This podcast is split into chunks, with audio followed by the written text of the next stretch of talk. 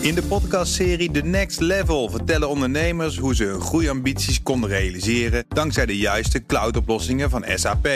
Wat waren de uitdagingen, de oplossingen en hoe ging de uiteindelijke implementatie? Benieuwd naar hun verhalen en hoe zij met behulp van SAP ook hun toekomstige ambities kunnen behalen? Luister de podcast The Next Level via de BNR-app of je favoriete podcast-app.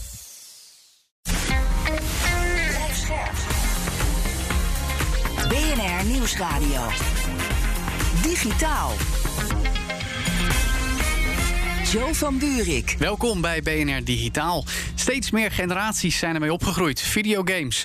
Maar ondanks toenemend begrip van dat medium zijn er ook tal van negatieve stigma's. En een groep onderzoekers wil juist laten merken welke positieve invloed videospellen op ons kunnen hebben. Maar hoe en waarom? Dat bespreken we straks, ook met mijn co-host van vandaag, Jasper Bakker, bedrijfs-ICT-journalist van AG Connect. Ook gamer trouwens, toch Jasper? Jazeker. Heel goed, mooi. Maar eerst wil ik het met jou hebben over een ander onderwerp in het kader van welzijn. En wel het persoonlijke gezondheidsomgeving idee... waarmee minister Kuipers van Volksgezondheid uh, vol bezig wil. Volgens zijn brief aan de Tweede Kamer moet iedereen in Nederland met een site of app medische gegevens kunnen beheren. En dat klinkt angstaanjagend bekend in de oren, zou ik zeggen. Ja, angstaanjagend ga je gelijk op de toon zetten. Nou ja, oké. Begin, begin. Waarom wil minister Kuipers die persoonlijke gezondheidsomgeving zo graag hebben? Nou, laten we de afkoop PGO eerst gaan bezigen. Dat scheelt een hoop. Persoonlijke gezondheidsomgeving. PGO, ja. PGO. Okay, heel goed. Uh, nou, in, in, in de kern vanwege natuurlijk gezondheidsredenen. Als jou iets overkomt in een andere stad en je hebt een bepaalde allergie, is het heel handig als dat gelijk inzichtelijk kan zijn. In plaats van dat ze erachter komen na een belletje naar je huisarts. Of nadat ze iets hebben toegediend waar je ineens een heftige reactie op hebt. Ja. Dus in wezen vanuit zorg. Dus het is eigenlijk alleen maar om te zorgen dat er dingen niet meer mis kunnen gaan als je opeens op een ander adres wordt behandeld dan je normaal zou. Precies. Uh, het idee van data, de kracht van data combineren op één plek hebben en toegankelijk hebben voor degene die daar een noodzaak toe hebben. Ja, nou, dat is dus de handigheid voor de burger. In hoeverre is dit ook in het belang van de overheid? Nou, je kunt vanuit de overheid, uh, als je geanonimiseerd of pseudonymiseerd die data ook kunt gebruiken, of delen van die data. Hè, want daar gaat het om. Het gaat niet om een EPD, dit is het dossier en iedereen kan erbij. Of, of iedereen toegang heeft, kan bij alles. Het gaat ook om een delen van, delen van delen van informatie. Pun intended.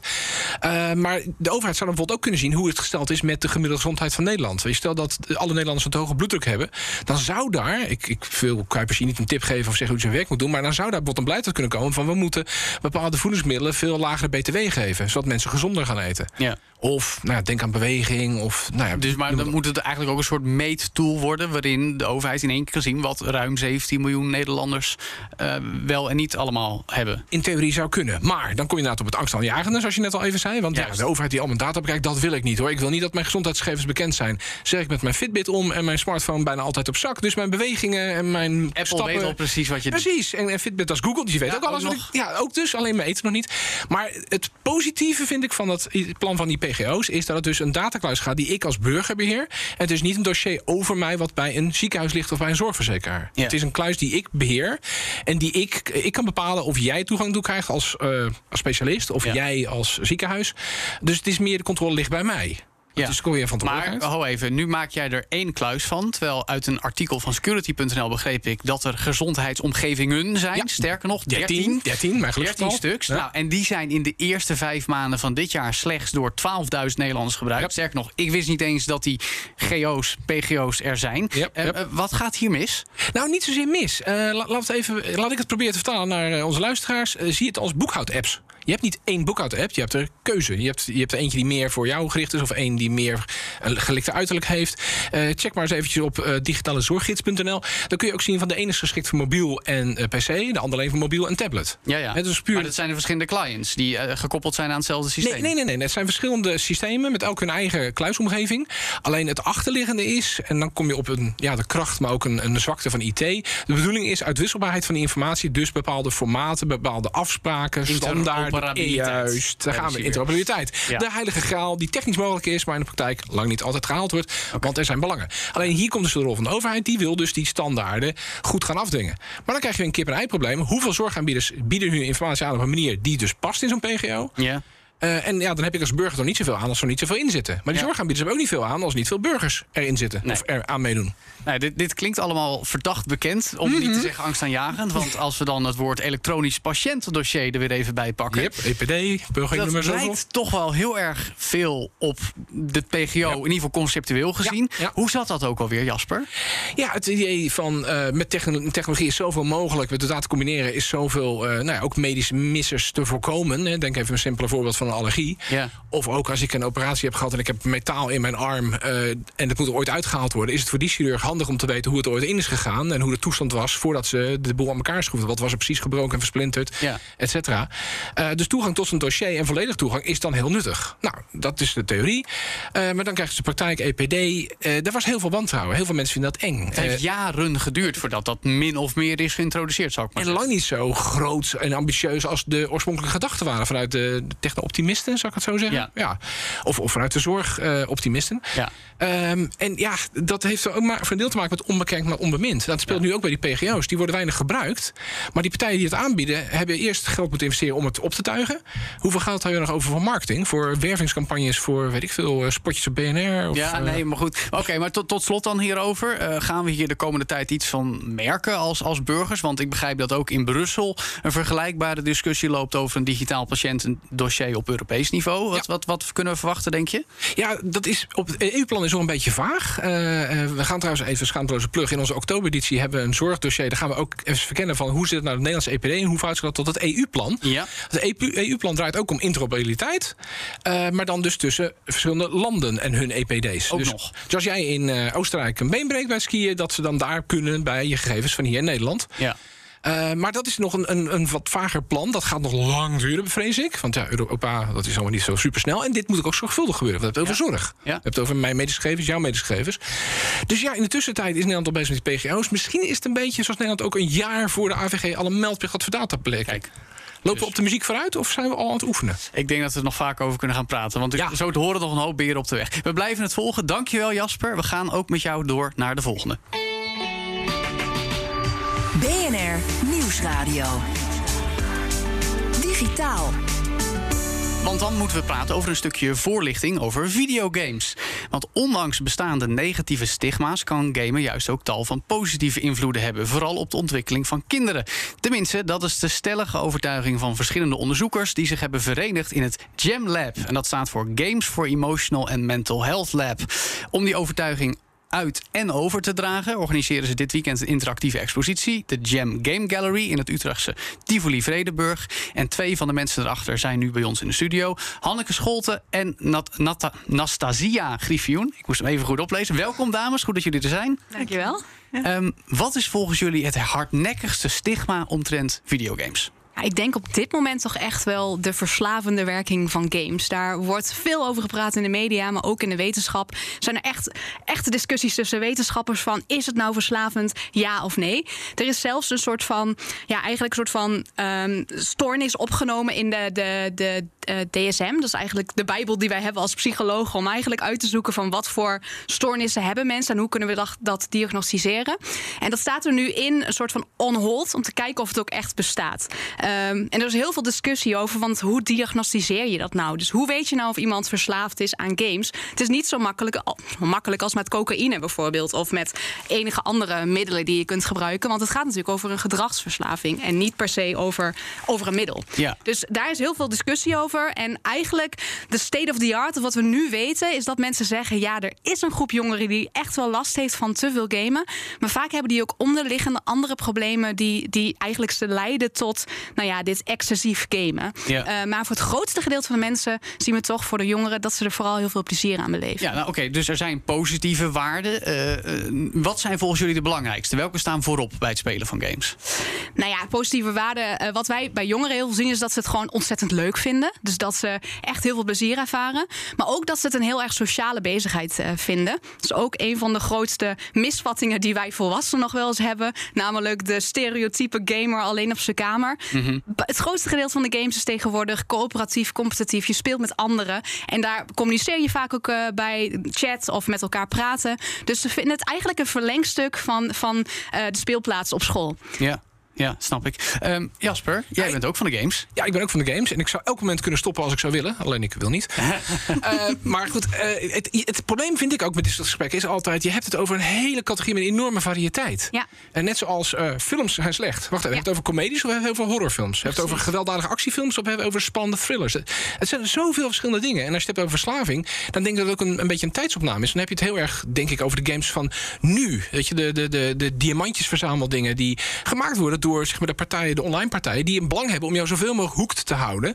Eh, denk Facebook, denk nou ja, de, de, de app-economie. Ja. game is gratis, maar we willen je hoekt houden. Willen je DLC laten kopen of dat soort Ja, dingen. maar dit, dit is dus precies ook het punt. Eh, het klinkt allemaal goed om te zeggen, nou, games een verlengstuk van het, het speelplein voor kinderen. Eh, maar er zijn inderdaad games die zijn ja, met kwaadaardige intentie zo gezegd ontworpen om mensen zoveel mogelijk bezig te houden. Ehm, dan, dan, dan snap je dat ouders sceptisch worden. De, de- de- hoe zorg je dan toch dat ze weten wat de, de, de positieve games zijn, om het zo te zeggen? Nou ja, daar is toch wel een klein beetje werk aan de winkel voor, eh, voor de ouders. Ja. Om toch eigenlijk een beetje te gaan begrijpen van, van wat doen die jongeren daar nou? Wa- waarom zitten onze kinderen Daar heb eh, ik een woord in voor. die games? Nou, Opvoeden. opvoeden is inderdaad, inderdaad iets... eh, Ja, maar is, is het opvoedkunde? Zeker, ja. Het is alleen, je moet het toepassen op een ander, ander onderwerp. En, en dit onderwerp vergt iets meer onderzoek. Omdat natuurlijk die, deze wereld gaat ontzettend snel. Dus om dat bij te houden is gewoon ontzettend lastig. Maar als je de basis begrijpt en ook begrijpt waarom jouw kind bepaalde games speelt, voor welke redenen, eh, wat hij daar uithaalt, eh, dan begrijp je die wereld veel beter. Kun je ook eerder zeggen: deze game wil ik niet dat je speelt, want er zitten gewoon elementen in waarvan ik bang ben dat die een te grote invloed op je gaan hebben. Ehm, maar kun je ook, en kun je ook afspraken gaan maken met je kind over: hey, wat zijn nou dagen waarop jouw vriendjes spelen, waarop je misschien wat langer wil spelen? Wat zijn dagen waarop je misschien niet speelt en lekker naar buiten gaat of andere dingen gaat doen? Dus eigenlijk begrijp hoe die wereld eruit ziet en dan met je, met je kind in gesprek gaan is het belangrijkste Ja, hier. nou, dat staat dus ook centraal in het evenement dat jullie organiseren. Aanstaande zaterdag 2 juli, Tivoli Vredenburg, Jam Lab Game Gallery. Nastasia, wat kunnen mensen daar zoal doen? Ja, de Gem Game Gallery is specifiek ontworpen voor wat Hanneke nu zegt. Het gaat echt om zien wat kinderen doen als ze gamen, zien hoe ze dat ervaren. En voor kinderen zelf en jongeren die dus problemen hebben met mentale gezondheid, is het gewoon een prachtige mogelijkheid om te zien en ervaren hoe games daarbij kunnen helpen. En Ja. daar is echt heel erg veel mogelijk. En daar hebben jullie ook echt games die gespeeld kunnen worden. Ook zodat ouders kunnen zien: hey, deze games doen dit met mijn kind. Ja, en eh, in de kern gaat het ook om eh, ja, open-mindedness als het ware. Als je ziet wat er aan de hand is, wat, wat kinderen doen en waarom, en het gesprek is heel belangrijk, dan, eh, dan denk ik dat ouders en leerkrachten en mensen in de zorg, iedereen die zich daar zorgen over maakt, die zal dan kunnen zien dat het eigenlijk heel erg dezelfde dingen zijn die we 50 jaar geleden ook deden, Ja. maar dan op een andere manier. Maar hoe zorg je nou dat sceptische ouders van gamende kinderen daarheen komen? Ja, ik denk dat het heel erg eh, te maken heeft met eigenlijk laten zien dat het gewoon hele prettige, leuke games zijn. Eh, het zijn geen. Ja, maar hoe overtuig je ze van, goh, kom hierheen of lees informatie op onze website? Want op die manier verdiep je je erin. Want eigenlijk roep je je ouders op, verdiep je in wat je kinderen leuk vinden. Nou, dat is Ja. zeer eh, eh, goed te onderbouwen oproep. Zeker. Ehm, maar ze, ze moeten het ook gaan doen, weet Ja. je? Dus hoe trek je ze daadwerkelijk naar je toe? Nou ja, één, één manier waarop we dat doen, denk ik, is het betrekken van experts erbij. Dus de sprekers die we hebben, dat zijn eigenlijk bijna allemaal academici. Universitair docenten en net als Hanneke, eh, professoren bij universiteiten. Eh, en ik weet vrij zeker dat ouders toch wel eh, in zullen zien dat als een expert daarover heeft en uitlegt wat de eh, onderzoekskant daarachter is en wat de bevindingen zijn die, die we hebben gevonden, dat ze dan toch misschien net dat kiertje dat het open gaat om toch te denken: oké, nou misschien valt het toch wel mee, laat ik toch maar dat gesprek aangaan met mijn kind. Ja, Ehm, en, en kijk hoe het eigenlijk in elkaar steekt. Ja, Jasper? Dus, dus de onderbouwing. Niet eh, wij die een uh, landparty eh, organiseren en zeggen... games zijn echt wel goed voor je hoor, want dat vinden wij. Nee, eh, onderzoek, onderbouwing, Precies. uitleg, opvoedkunde, psychologie, et cetera. ja. En het daarmee wat serieuzer maken. Maar Jasper, jij bent naast gamer ook vader. Ja. eh, van een tiener. En Ja. jij spreekt ook andere ouders. Ja. Wat, wat, wat tref je daaraan als je het over games hebt? En het feit dat jij zelf ook speelt en dat je je kind laat spelen, stel ik me voor. Ja. Hoe, hoe gaan die gesprekken? En, en, en ja, een heel breed palet, heel wisselend. Eh, ik heb een keer een ouder meegemaakt... die zijn in mijn optiek veel te jonge zoontje... eh, Call of Duty Wereldoorlog 2 bloedige shooters liet spelen. Dat ik zoiets had van, dat lijkt me een beetje heftig. Waarvan hij me bezweerde van, oh nee, maar het raakt hem niet echt. Waarvan ik zoiets had van, ja, maar is, die dan, is dat kind dan nu afgestomd voor geweld? Want je vindt die geweld dan... Maar goed, had ik dat als kind toen ik de E-team keek niet ook? Dat ik schieten hartstikke leuk gaaf vond. Alleen daar werd nooit iemand geraakt. En als ze geraakt werden, dan laag ze op de grond. Ja, ja, ja. Waren ze bewusteloos of zo. Ja. Weet je, ja. Ja. Ik vind het heel lastig. Maar ik, ik, ik probeer, ja, ik, daarom zeg ik net het woord opvoeden. Probeer nou te in te verdiepen. Ehm, en probeer ook de leuke kant te zien. Eh, en soms is het ook, eh, nou ga ik echt de ouder uithangen. Maar ik heb ook zo'n hele geinige game waar je eh, zinnen aan elkaar moet plakken op zijn Engels. Dus dat is goed voor je taal. Om elkaar te beledigen op een manier als Your mother wears a hat that looks like a car. Ja, ja, ja, Weet je, dat soort dingen. Dat vind, dat vind ik grappig, maar dat is ook opvoedkundig. Nee, maar goed, het is dus ook een, een beetje kunnen uitkiezen welke games er zijn. Nou ja, sommige hebben jullie dus eh, aanstaande zaterdag te spelen. Maar Nastasia, welke games zouden ouders die niks met gamen hebben... toch eens moeten proberen om ook te ervaren welke positieve waarden erin zitten? Ik denk dat een aantal van de games die we hebben eh, echt heel laagdrempelig en tot de verbeelding spreken. Dat zijn VR-games. Mhm. Eén daarvan is bijvoorbeeld Deep. Die hebben wij ook in ons eigen lab ehm, uitgebreid onderzocht. En in samenwerking met de studio die het gemaakt heeft, met Monobanda. En Deep is zo'n zo'n rustgevende, zo'n heerlijke ervaring. eh, dat ik denk dat je dan eigenlijk automatisch een soort van dat je geest zich daarvan opener gaat stellen voor, voor alle mogelijkheden die mogelijk. games aanbieden. Ja, Ja. absoluut. Ja, ja. Het is niet alleen maar Fortnite. Het is niet alleen maar eh, ja, poppetjes schieten of, of wat het dan ook is waar je, waar je bang voor bent dat je kind eh, speelt. Het is zoveel meer. Ja. Ja, nu hebben we het ook over het woord opvoedkunde. Ehm Hanneke, eh, ik heb wel eens gehoord van iemand... eh, laat je kind zelf suggereren wat een reële speeltijd per dag is. Is, is dat een goed idee? Nou ja, ehm, natuurlijk niet als ze komen met ik ga de hele dag gamen. Nee, ik vijf denk, uur graag. Ik denk wel dat, dat dat in gesprek gaan met je kind helpt. En, en in alle gesprekken die ik met jongeren heb gehad, zie je vaak dat ze toch best wel reëel, reëel na kunnen denken over de tijd die zij zijn spenderen op een scherm. Dat kan op sociale media zijn, maar ook met gamen. En tuurlijk willen ze vaak net iets meer dan wat je als ouder fijn vindt. Maar zij komen vaak echt niet met ik wil de hele dag gamen. Zij snappen ook dat ze nog dingen voor school moeten doen. Of ze moeten nog naar, naar voetbal of wat dan ook. Dus vragen aan je kind wat zij reëel zouden vinden. En dan daartegenover stellen wat jij reëel vindt. En kijken of je ergens in het midden kunt uitkomen. Maar vooral zorg dat je kind autonomie voelt. Dat ze zelf een soort van ja, eigenlijk iets te zeggen hebben over wat er gebeurt. Ja. In redelijke mate natuurlijk. Dat is heel erg belangrijk voor kinderen om te voeden dat ze serieus worden genomen eh, ja, in, in, in hun dagelijks leven. En eigenlijk in hun leefwereld. Ja, want even een kritische noot. Hoe, hoe krijg je eigenlijk, eh, hoe overbrug je volgens mij de kloof die er ook kan zijn tussen eh, als ouders weet je games als nou, dat taalspelletje of dat Deep en als kind is het nou FIFA of Call of Duty, want dat is in op school of in, in mijn vriendenkring. En als ze niet thuis spelen, gaan ze bij vriendjes spelen. Dus Precies. dan krijg je die discussies er ook nog bij. Precies, dus hoe, hoe kun je die, die kloof overbruggen dat eh, hè, ik als vader kom met... oh, dit is een hele leuke game en... jezus, dat is leem, zeg, oh god. en en dat, dat slaat dan dus totaal niet aan. Maar dan andersom, ja, maar die hele bloedige game, dat vind ik weer niet goed. Dus die ga ik dan verbieden. De- Ja, dat werkt niet, want dan gaan ze bij vriendjes spelen. Dus hoe, hoe, hoe ga je daaruit komen? Want wat jullie bieden op de, op de, op de expo is natuurlijk ook een, een, een curated, de, de positieve kant. Absoluut. Eh, dat kan best zijn dat ouders daar binnenkomen en denken... oh ja, dit zie ik wel zitten. En dat jongeren daar binnenkomen en denken... nou, dit ga ik dus never nooit thuis spelen. Hè? Doei. Nou, zeg maar. Nou ja, dat is natuurlijk wel iets. Kijk, wij, eh, wij hebben nooit de budgetten en de tijd die, die wij erin steken, is nooit hetzelfde als zeg maar echt de commerciële partijen die games bouwen. Ja. Dus er is wat te zeggen over de kwaliteit van onze games en van onze partners ten opzichte van de commerciële. Echter ontwikkelen wij ze altijd wel met de, de jongeren eh, aan tafel. Ja. Eh, dus zij helpen ons om te beslissen wat moeten we wel doen, wat moeten we niet doen om het, om het leuk te houden Ja. voor ze. Ehm, en ik denk wat, wat heel sterk en wat goed werkt, is als je als ouders samen zo'n spel gaat spelen wat jij fijn zou vinden. Omdat je daar ziet dat eigenlijk de hiërarchie tussen kind en ouder verandert. Normaal ben jij de baas en be- bepaal jij hoe laat ze naar bed moeten, wanneer ze mogen eten of wat ze eten. ehm, over het algemeen of vooral als ze heel jong zijn. Mhm. Maar als je gaat gamen, ben jij vaak een beetje de sukkel die niet zo goed snapt eh, wat je moet doen. Nou ben jij een ander geval, maar de meeste ouders. Ik ben in Street Fighter wel afgedroogd. Ja, ja, ja. Maar de meeste ouders zijn niet heel handig met die controllers. Die voelen zich afgetroefd door een eigen kind. Ja, niet en dan stijgt de frustratie Maar je, van... ziet, nou, je ziet meer dat dan het kind een beetje de bovenliggende partij wordt. Omdat zij snappen hoe je zo'n spel moet spelen. En de spelregels beter begrijpen. En dat is een hele interessante interactie voor een ouder en een kind. Ja. En, en samen zou ik dus dat soort spellen gaan spelen. En voorkomen dat ze ook FIFA willen spelen of nou, wat dan ook. Dat doe je niet. Nee, nee. Maar samen die betere games spelen. eh, om het maar even zo te zeggen. Of werelden verkennen samen. Precies. Ja, Mhm. ja. Ja. Dat klinkt heel mooi. Ten slotte nog wel eventjes dit kort. Eh, jullie zijn onderzoekers. Ja. Jullie baseren dit op Ja. wetenschappelijke feiten. Maar ik kan me ook voorstellen dat sommige mensen... ja, jullie zijn wel heel erg het, het positieve woord voor de game-industrie aan prediken. Hoe voorkom je dat je als een soort lobbyclub gezien wordt hiermee?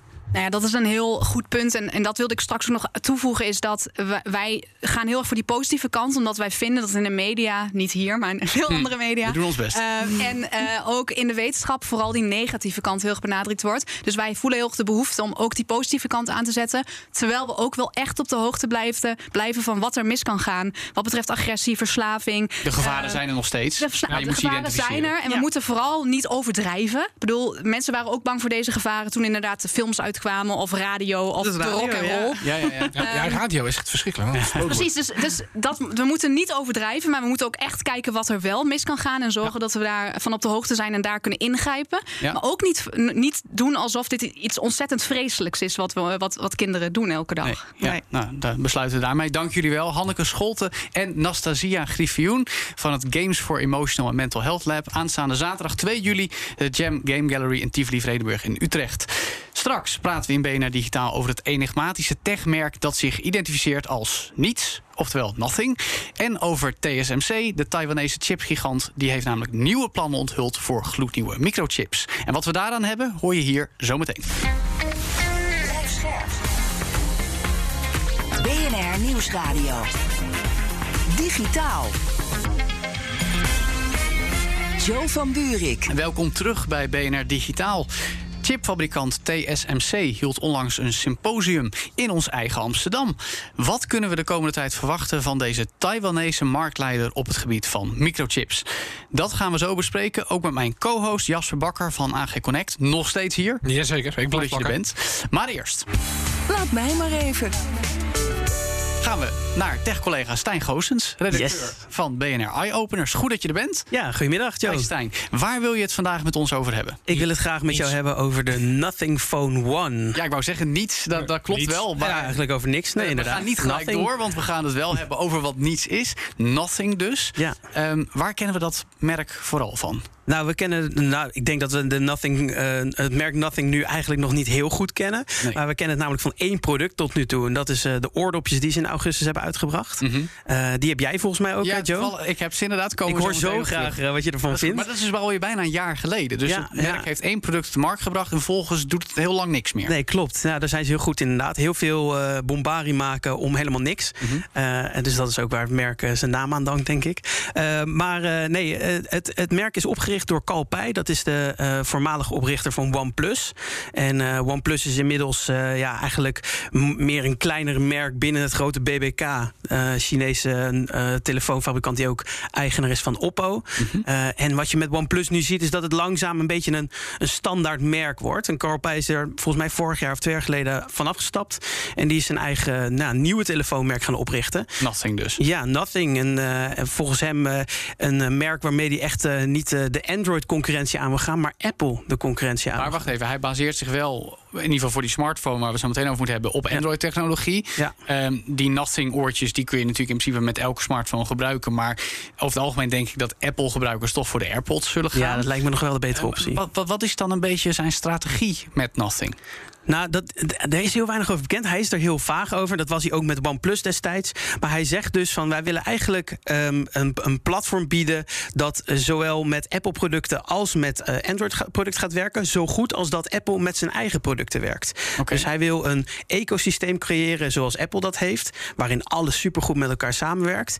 En, eh, maar hij wil dat eigenlijk voor elk platform, voor elk product gaan aanbieden. Ja. Dus als jij een AirPods hebt van Apple, maar je hebt je Nothing Phone Dan moet dat identiek gewoon supergoed met elkaar gaan samenwerken. Ja, ja. En dat is zijn doel, maar daar is hij nog niet. Ja, nu had ik het idee met OnePlus toen dat op de markt kwam met hun smartphone. Dat ze eigenlijk best goede spullen voor relatief weinig geld boden. Ja, toen wel. Ehm, dat is met OnePlus dus ook afgegleden wat dat betreft. Ja, wat je zag eigenlijk is hoe populairder het werd, hoe meer zij dachten van, oh, we kunnen het duurder maken. Oh, we pakken, we Het ging heel maken het snel wat upmarket zonder dat de, de kwaliteit voor het geld ook meegroeide. Ja, en ze, ze werden steeds algemener eigenlijk. Een steeds bredere doelgroep wilden ze gaan aanspreken. Maar ja, daardoor werd het merk voor wat het in eerste instantie was... eigenlijk steeds minder eh, ehm, eh, ja, speciaal. Ja. Eh, voor hun eerste telefoon was heel karakteristiek... omdat het en een telefoon was die niet zo heel heel duur was, wat de concurrentie toen wel was. En het bood wel heel veel voor zijn prijs. Jasper ook OnePlus-telefoons gebruikt? Nee, nooit gebruikt. Maar eh, het wat wel fascineert is dat bij smartphones is het inderdaad... of je gaat commercieel voor de, de- voor de massamarkt... en denkt daar heel veel mee te kunnen verdienen... of je gaat proberen om eh, de BMW of de Jaguar te zijn. Ja. En Apple weet dat goed vol te houden. En er zijn genoeg fabrikanten die inderdaad beginnen met het één... precies wat jij schetst.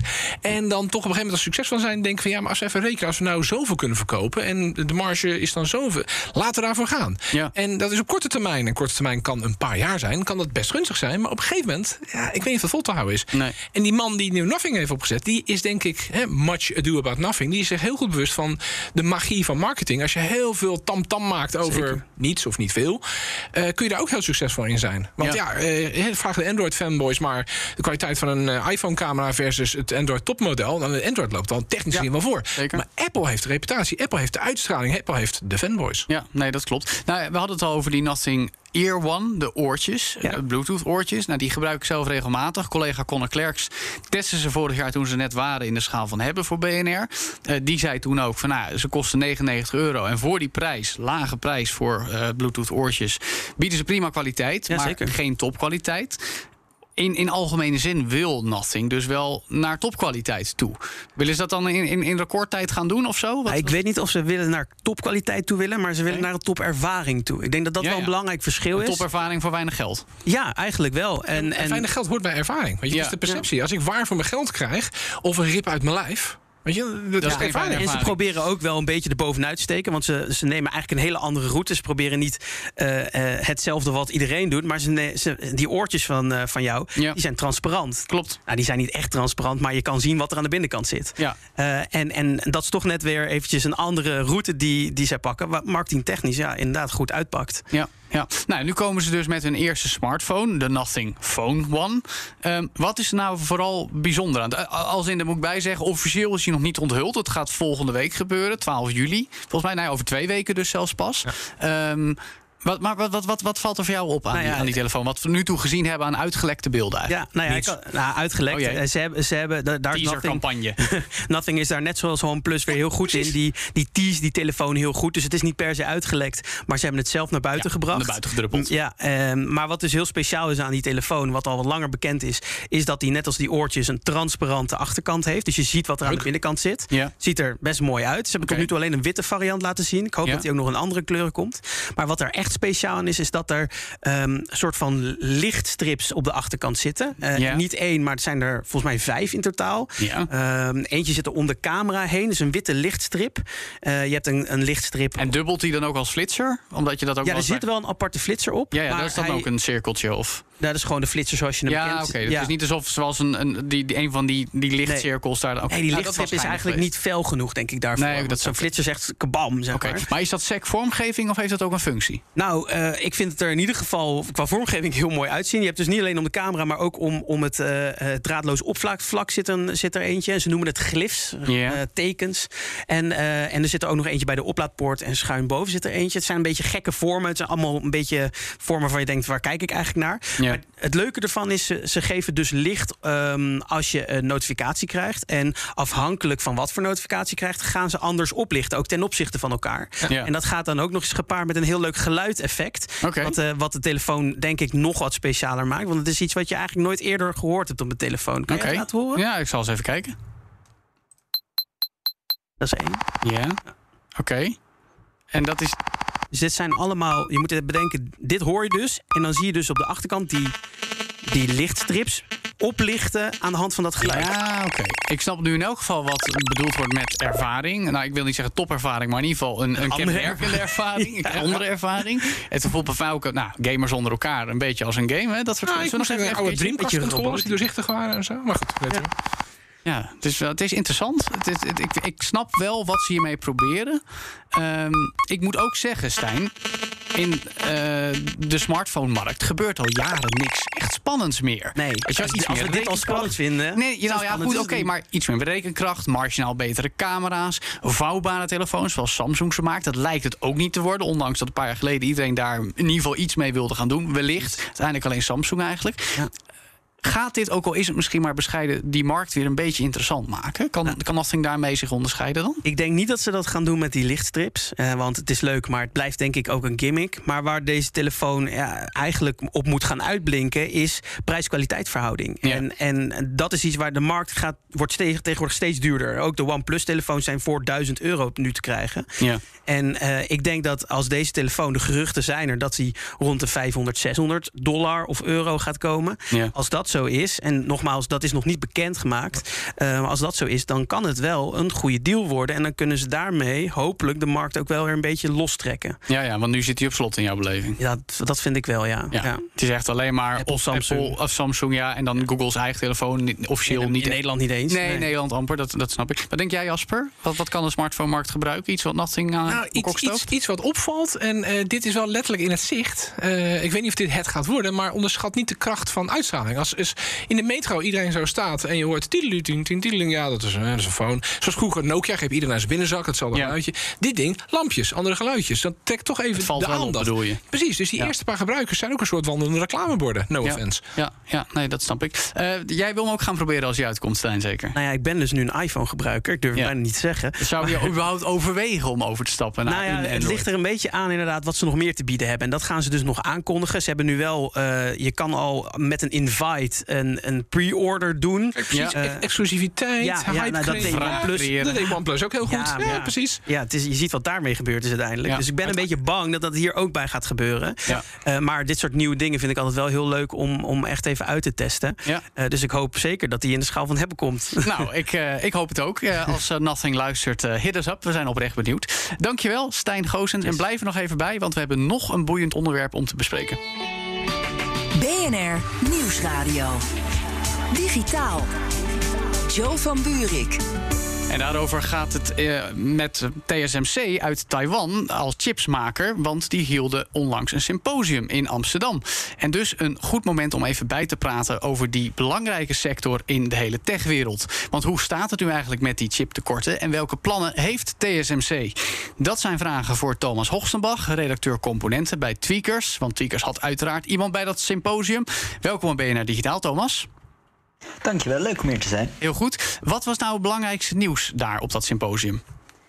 Ja, bij presentaties van chipfabrikanten gaat het toch eigenlijk altijd over verkleinen, verkleinen, verkleinen. Steeds kleinere, efficiëntere, zuinigere processors. eh, die ook sneller zijn natuurlijk. Eh, en eh, ja, die worden steeds geavanceerder. Ja, en waar worden die dan gemaakt? Ja, overal ter wereld. Ze hebben ook nieuwe, nieuwe fabrieken aangekondigd. Ze gaan bouwen in Amerika, in Taiwan, waar ze vandaan komen, in Japan, in China. eh, overal behalve in Europa. Ja, dat is dan wel een beetje opvallend. Want ik meen me te herinneren dat ze daar heel erg op in zouden gaan zetten met wat subsidiegelden. Ja, nou in ieder geval, de EU wil daar heel graag eh, eh, meer chipfabrieken in Europa. Ze hebben ook de European Chips Act aangekondigd. Eh, Intel is daarop ingegaan. Eh, en TSMC zei tijdens, eh, tijdens deze conferentie dat ze daar serieus naar hebben gekeken. Maar dat het, ja, het huidige subsidieplan dat er nu ligt voor hen gewoon nog niet interessant genoeg is om, om overstag te gaan en fors te gaan investeren in Europa. Ja, maar dat is dan wel een forse tegenvaller. Want die Chips Act die was met veel bombardie aangekondigd. We moesten minder afhankelijk worden van die productie aan de andere kant van de wereld. Hoe groot is die tegenvaller voor de EU? Ja, groot denk ik. Ze hebben wel Intel mee. Die hebben een enorme investering aangekondigd met onder andere een chipfabriek in, in Duitse Maagdenburg. Ehm, maar TSMC is gewoon wereldwijd de marktleider. Zowel qua hoe ver ze zijn met techniek als gewoon qua hoeveel ze produceren. Dus ja, dat is toch wel eigenlijk de partij die je erbij had willen hebben. Ja, en is het dan een kwestie van Intel kan het voor minder geld doen en TSMC niet? Of wat, wat, wat is dan de reden waarom Intel wel doorgaat en TSMC er vanaf ziet in Europa? Ja, wat TSMC zei eh, afgelopen weekend eh, tegen ons was toch dat ze het, het ecosysteem eromheen heel belangrijk vinden. Dus je, je kunt wel een chipfabriek neerzetten, maar je hebt grondstofleveranciers nodig. Eh, die chips die van de band komen rollen, die moeten eh, in packagingfabrieken moeten die ja, letterlijk worden verpakt in producten en in chips. Ehm, ja, en die infrastructuur is er niet in Europa. Dus je zag bij Intel ook dat er een enorm plan was dat ze niet alleen die chipfabriek in Duitsland deden, maar ook een packagingfabriek in Italië, een fabriek in Frankrijk, R&D-afdelingen, et cetera, et cetera.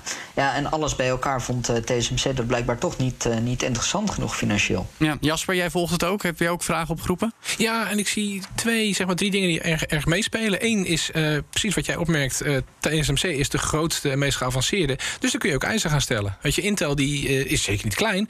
Maar Intel is ten opzichte van TSMC wel de mindere grootheid. Dus die zal misschien eerder akkoord gaan met nou subsidie zoveel. Dit hebben we eruit kunnen slepen. TSMC kan zeggen, hey, my way or no way.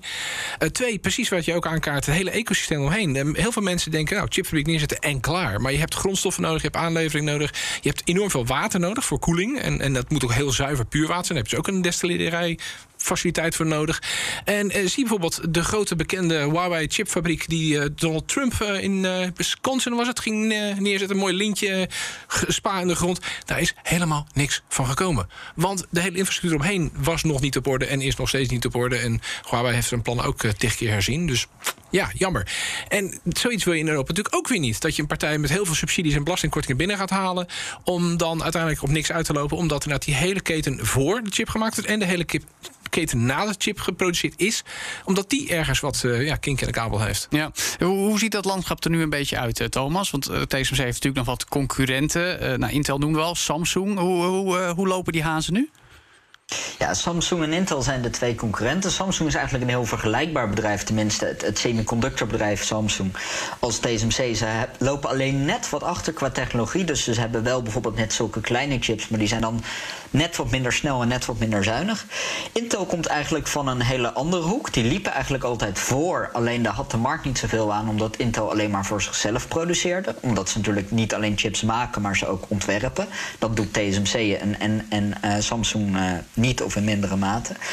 Ja, en dan, dan zien we dus toch dat Intel is, is vastgelopen op dat 10 nanometer debakel. Daar hebben ze die, die voorstand hebben ze eigenlijk verspeeld. Dat is een achterstand geworden. En nu zeggen ze van oké, we willen ook veel meer voor externe klanten gaan produceren. Maar ja, ze moeten eerst maar weer eens die achterstand zien in te halen. Ja, nou in algemene zin uh, hadden we natuurlijk nogal uh, en hebben we nog steeds volgens mij te maken met dat tekort aan microchips. Hoe, hoe is de actuele stand van zaken wat dat betreft? Ja, daar zei TSMC ook wat over dit weekend. Ze zien eigenlijk steeds minder een echt tekort op de nieuwste, echt zeg maar de cutting edge uh, procedés. Dus dan heb je het over 4, 5 en zelfs 3 nanometer. Mm -hmm. uh, dat is eigenlijk gewoon redelijk uh, business as usual.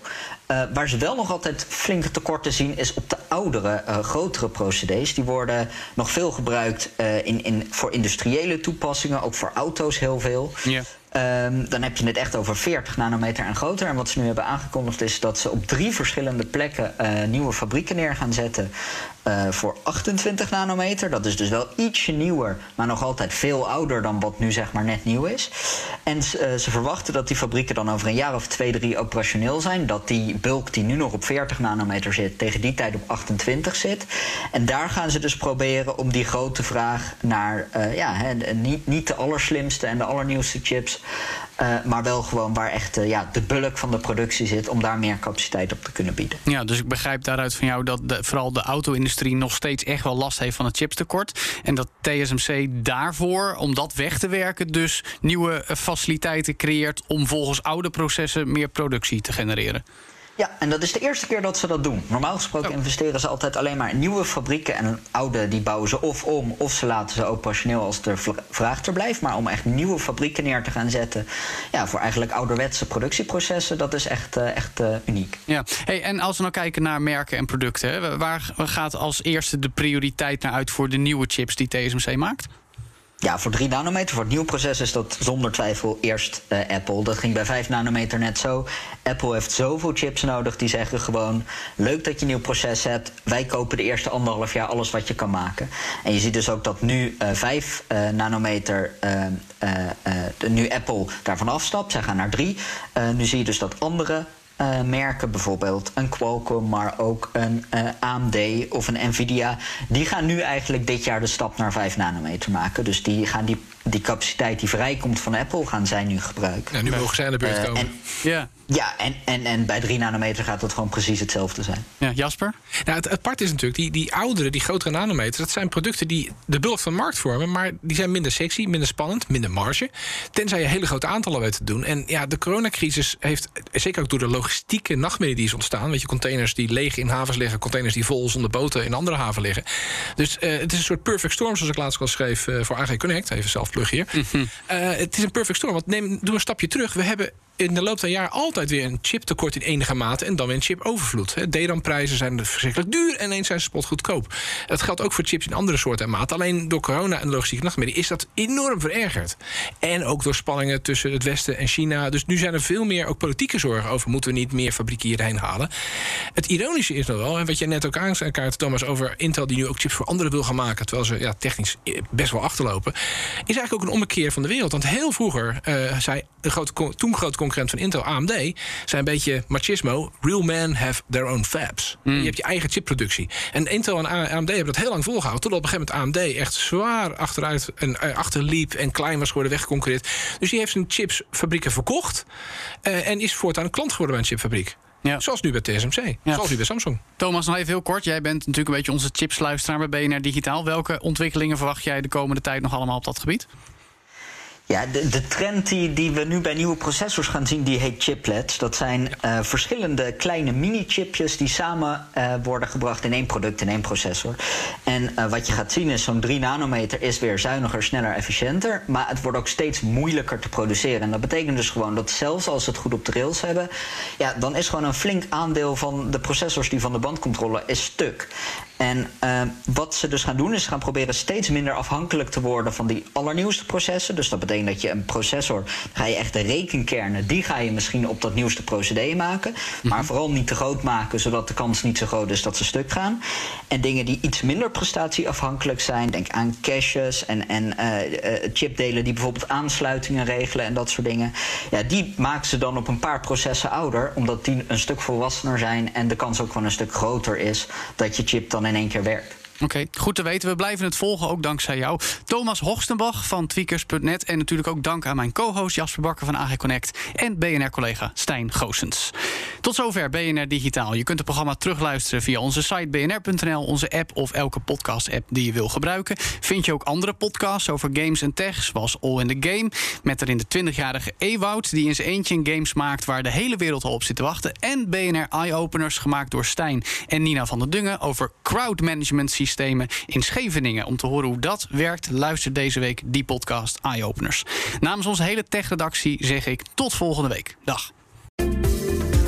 In de podcastserie The Next Level vertellen ondernemers hoe ze hun groeiambities konden realiseren dankzij de juiste cloudoplossingen van SAP. Wat waren de uitdagingen, de oplossingen en hoe ging de uiteindelijke implementatie? Benieuwd naar hun verhalen en hoe zij met behulp van SAP ook hun toekomstige ambities kunnen behalen? Luister de podcast The Next Level via de BNR-app of je favoriete podcast-app.